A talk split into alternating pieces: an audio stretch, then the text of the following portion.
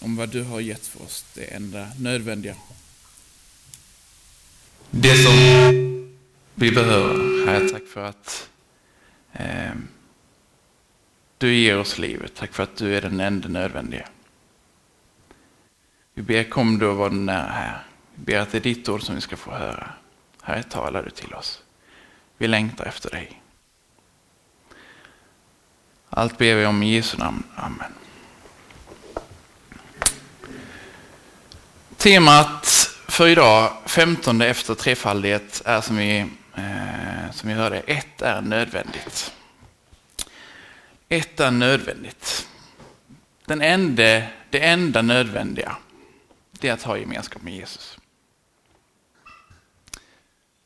Då var det klart. Um, ja, men vi ska utgå ifrån eh, femte Mosebok. Eh, gamla testamentet texten där. Ehm. Jag läser från femte Mosebok, vers, eh, kapitel 4. Ehm. Jag läser lite mer än bara texten, från vers 25. När du har fött barn och barnbarn och ni bott länge i landet, om ni då försyndar er genom att ni gör er en avgud, en slags bild, och därmed gör det som är ont i Herrens, din Guds ögon och väcker hans vrede. Då tar jag idag himmel och jord till vittne mot er att ni snabbt kommer att utrotas ur det land dit ni nu går över jorden för att ta det i besittning. Ni kommer inte att leva där länge utan kommer att helt förgöras. Och Herren skall skingra er bland folken och endast en li ett litet antal av er ska bli kvar bland de hedna folk som Herren ska driva er bort till. Där ska ni känna gudar som har blivit gjorda av människohänder, gudar av trä och sten. Det kan varken se eller höra, äta eller lukta. Men om ni där söker Herren, din Gud, skall du finna honom, om du söker honom av hela ditt hjärta och av hela din själ. När du är i nöd och allt detta händer dig i kommande dagar ska du vända om till Herren din Gud och lyda hans röst. Ty en barmhärtig Gud är Herren din Gud. Han ska inte överge dig eller förgöra dig. Han ska inte glömma det förbund han med ed har ingått med dina fäder.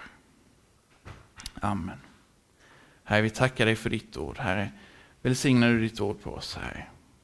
Du har ju själv lovat att det ord som du ger ut inte kommer tillbaka förrän det har gjort det som du har satt det till att göra. Herre, vi ber nu att du håller ditt löfte. Amen.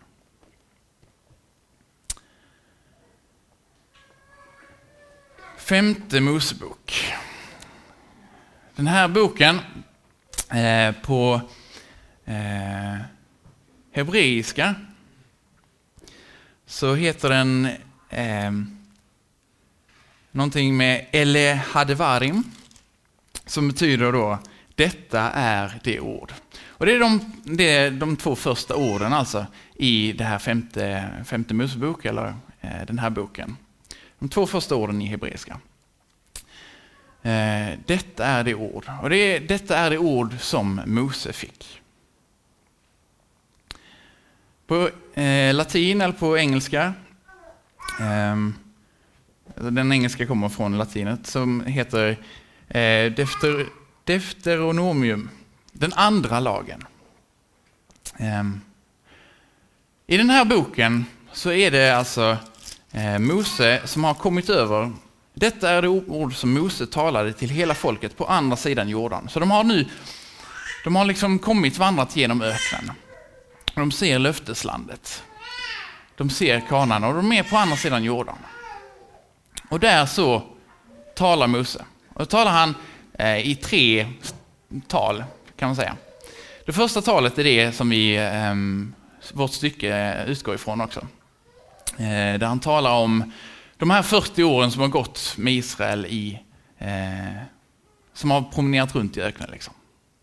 Det andra talet det är det längsta talet, det fyller upp nästan hela, hela boken. Det är, då återberättar han om lagen, eh, återberättar vad, vad Gud har sagt.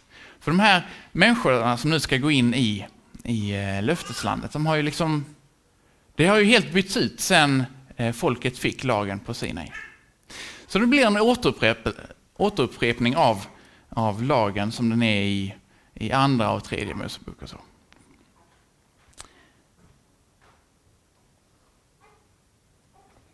det här, de här, den första, alltså den började med de 40 åren. Um, och vi möter ju Israel nu. Israel är ju det folk som Gud har utvalt. Det började med Abraham. Och så utvalde, kallade, kallade Gud honom ut från sin familj. Och lovade att göra ett stort folk av honom. Och så blev det patriarkerna, Isak, Jakob som sen blev kallad Israel. Alltså Israels folk, Jakobs folk. Guds folk som Gud utvalde. Men det som vi nu läste, det är ju, kan man säga, en varning. En varning till Israels folk. Men också en, en, en profetia, får vi då ändå säga. För den här varningen, den återkommer gång på gång. Vänd er inte bort från Herren. Tillbe inte avgudar. Håll er fast vid Herren. Och det är hela tiden detta genom hela, hela gamla testamentet kan man tycka, och även nya testamentet också, men det är mer riktat till oss snarare än, än Israels folk.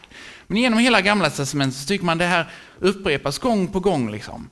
Stanna kvar vid Herren, gå inte bort, tillbe inte en massa avgudar. Alltså det är ju, ni har det bästa liksom. Gräset är inte grönare på andra sidan. Ni har redan den levande guden. Han som har gjort allt för er.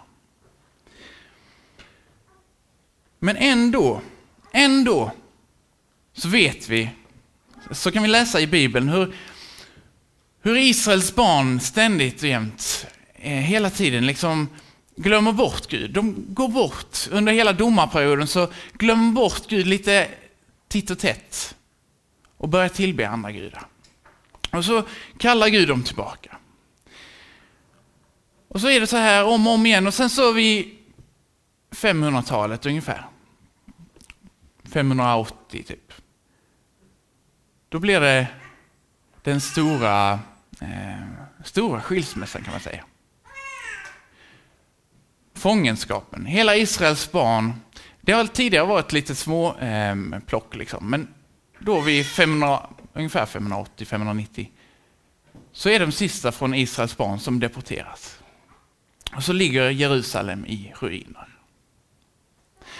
Men det här, det är alltså bara en, en um, ett sätt att visa hur det egentligen redan står till.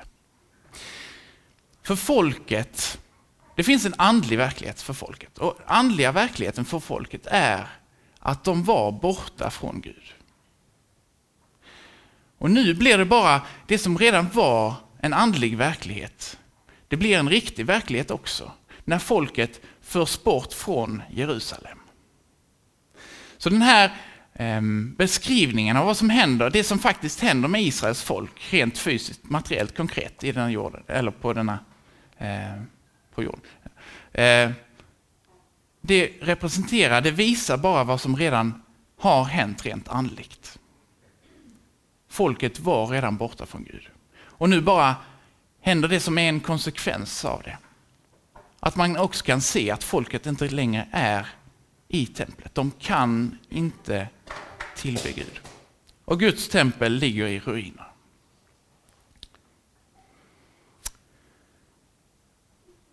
När de nu är borta, det är den nöd som de befinner sig i.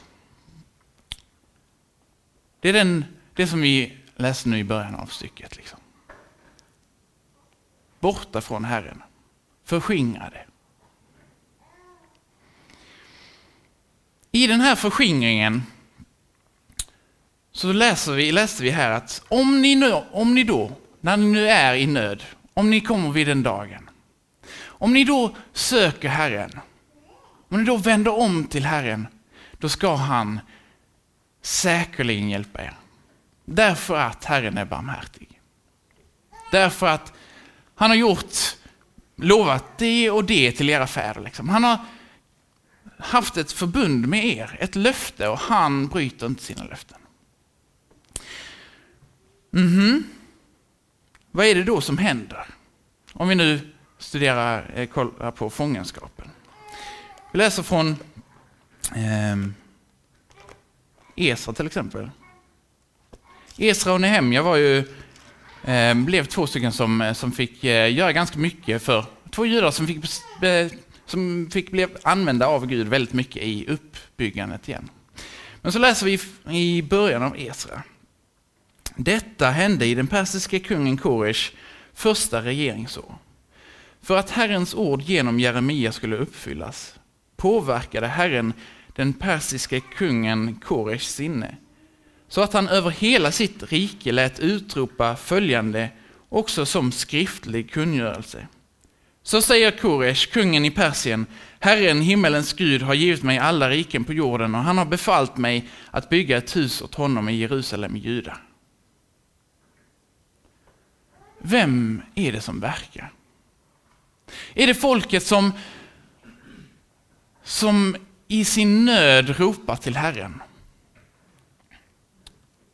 står inget om det. Däremot så är det Herren som griper in. För att han har lovat, för att han har förbundit sig. Så är det han som griper in, det är han som ändrar sinnet hos den här kungen, Koresh. För att igen föra folket tillbaka, så kallar han på folket tillbaka till Jerusalem. Men inte bara till Jerusalem, utan också till gemenskap med honom. Det här är bara det är en representation för vad som är rent andligt. Han kallar dem tillbaka till en gemenskap med sig. Han kallar dem tillbaka. Och det är det som vi kan läsa. Ty en barmhärtig Gud är Herren din Gud. Han skall inte överge dig eller förgöra dig. Han ska inte glömma det förbund som han har ingått med dina fäder. Så Herren, det här bygger på, på Herren. Det bygger på honom, på hans förbund. Vilka är då de här förbunden? Vad är det för förbund som han har slutit? Jo, förbunden som han slöt var med, med Abraham. Vi kan läsa dem långt tidigare. Säger han i princip, i, eh, när han först kallar ut Abraham. Gå ut ur ditt land och från din släkt och ditt fars hus och bege dig till det land jag ska visa dig. Där ska jag göra dig till ett stort folk, jag ska välsigna dig och göra ditt namn stort, och du ska bli en välsignelse. Jag ska välsigna den som välsignar dig och förbanna den som förbannar dig. I dig ska alla släkten på jorden bli välsignade. Och vidare, det land där du bor som främling, hela Kanans land, ska jag ge dig och dina efterkommande till egendom för evigt, och jag ska vara deras Gud. Det är de löften som han har gett. Och vad hände vidare? Jo, så Israels barn kom tillbaka. Då var de borta, eh, eller en, en del av dem, alla kom inte tillbaka. Gud kallade dem tillbaka, men en del stannade antagligen i, i, eh, i de länderna där de var kringspridda. Liksom. Men en del av två stammar kom tillbaka. Så går åren. Då var de borta kanske ett par tiotal år, liksom. ganska många tiotal år. Så går åren. Um, men ändrar sig Israels folk? Ändrar sig Israels folk? Nej, det kommer nog igen. Och så vid, vid 70 efter Kristus ungefär spreds folket igen. Jerusalem förstördes igen. Och den förskingringen har varit ganska mycket längre, ganska många hundra år. Men det märkliga är att igen så kallar Gud dem tillbaka. Och så är de igen ett land, en spillra från de som har blivit förskingrade. Det utvalda folket. Gud håller sina löften. Okej, men vad har det här egentligen med temat att göra? Ett är nödvändigt var det ju temat. Vad har det här med det hela att göra? Liksom? Um, men det, det handlar ju om Jerusalem, eller Israel. Ja, men på ett särskilt sätt Jerusalem. Jerusalem på ett, är på ett särskilt sätt um, en bild för Guds närhet. Jerusalem eller Sion. Det är den plats där Gud på ett särskilt sätt eh, blir representerat, att där är Gud. Eh, under hela, eller under hela gamla testamentet så är det under den tiden före Kristus, flera, eh, tiden före Kristus och även under Kristus, så var det där som templet var. Det var där som Gud kom med sin närvaro i det allra heligaste på ett särskilt sätt. Och Det är också där som, den, eller det är inte där, men det namnet Jerusalem, det som används om ni kollar långt framåt i profetiorna som Johannes sa, om det nya Jerusalem. Staden där Gud bor. Staden där vi får vara och se Gud ansikte mot ansikte. Så Jerusalem på ett särskilt sätt ändå får representera, där är Guds närvaro. Och därför det som är nödvändigt för Israels barn, som vi kan, kan lära ut av detta. Vad, vad, är det? vad är det som är nödvändigt? Jo, det är att de är nära Gud. Det är att de är nära, de förs hela tiden, drar, Gud drar dem tillbaka till Israel. Därför att det är där som de har en framtid och ett hopp. Nära Gud. De har inte en framtid borta från Gud. Utan deras framtid ligger i Israel, nära Gud. Vi läser i eh, vers 29. Men om ni där söker Herren din Gud skall du finna honom. Om du där söker Herren din Gud så ska du finna honom. Så det här det som vi eh, kan läsa om hur Israels barn blev eh, förda bort i fångenskap, det är en andlig verklighet. Det representerar en andlig verklighet där Israels barn också var rent andligt borta från Gud. Så det finns en sak som har framtiden med sig. Och det är att vara nära Gud. Det är den här nära gemenskapen med Gud nära gemenskapen med honom som har skapat oss. Ett som är nödvändigt. Så ifall du nu är här, ifall du är här som inte har den här nära gemenskapen med Gud, ifall du inte umgås förtroligt med Gud. Um, och Det är ju ganska många olika ord som man använder. Eh, vem, vad, vad kallar man sin närmaste vän? Kanske, ehm, det beror ganska mycket på eh, åldersskillnad. Om man kallar den homie eller buddy eller vän eller förtroligaste liksom. Best friends forever. Men ifall Gud inte är den som du kan eh, ge ditt allt för då har du inte det som är nödvändigast. Och då uppmanas du, sök Gud, sök Gud, sök Herren så skall han låta sig finnas. Sök Herren så skall han låta sig finnas. Och då kan man fråga sig, var ska man då börja söka? Det finns många som säger Gud hit och Gud dit. Liksom. Men var ska man börja söka efter Gud? Jo, i Jerusalem. I Jerusalem på en kulle utanför Jerusalem. Länge sedan. Där Gud visade sin kärlek för oss. Där Gud agerade, precis som, eh, som under eh, Esa när Gud liksom gick in och, och kallade dem tillbaka. Och i princip gjorde det möjligt att överhuvudtaget för dem att kunna komma tillbaka när han, eh, när han eh, liksom gick in och Ehm, interagerade med kungen Koresh, som de då tillhörde. På korset så gick Gud in och agerade för oss. Där gick han in och köpte oss tillbaka från det rike där vi förut var. Från den kungen som vi då hade. Det välde som vi levde i, syndens välde. Den makt som för oss, vill föra oss, hålla oss borta från Gud. Och så köpte han oss tillbaka. Så att vi överhuvudtaget skulle kunna vända tillbaka till honom. Så läser vi också i texten, när du är i nöd och allt detta händer ska du vända om till Herren din Gud.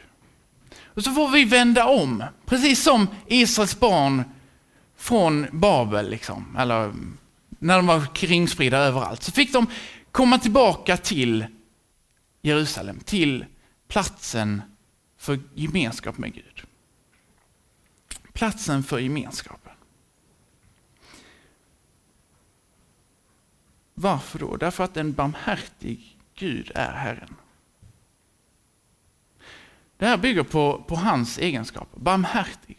Barmhärtig är, eh, kommer från det, eller i grekiskan så är det eleios. Och i hebreiskan eh, så är det någonting typ hesed. Och det här är eh, motsvarar eh, kärlek. Förbundskärlek. En kärlek som man eh, får liksom i, som man knyter förbund med. Och så gäller det. Vad är det då för förbund som Gud har slutit med oss? Jo, det är förbundet på, på Golgata. När Jesus med sitt blod liksom står för hela mänskligheten. Och så bara eh, betalar han liksom allt. Och gör Gud, gör Gud nådig. Den, det, det straff som vi borde haft, det är borta. liksom. Det är som i sången som vi sjöng där, um, vad var det nu, alla, um, att det enda som bär när allting annat vacklar, det är liksom Guds nåd. Och Guds nåd bara dränker över allt. Och det är det här förbundet. När Jesus betalar på korset. Och därför, därför så är Gud evigt, evigt eh, tillvänd oss. Därför kan Gud ge oss sin välsignelse. Därför kan Gud älska oss. Eller Gud älskar oss ändå, men därför kan mm, vi komma inför Gud och Gud kan visa sin kärlek. Liksom. Det är på det sättet som han visar sin kärlek. Jaha. Men det här är ju det här är ju liksom på något sätt, om man är borta från det här Jerusalem. Men om jag, om jag liksom, jag kanske är, jag kanske är redan ett Guds barn. För dig som lever, lever i Jerusalem, under den här tiden som Esra, Esra och Nehemja, de kom typ vid 440-talet. Det vill säga, det är typ 60-70 år där.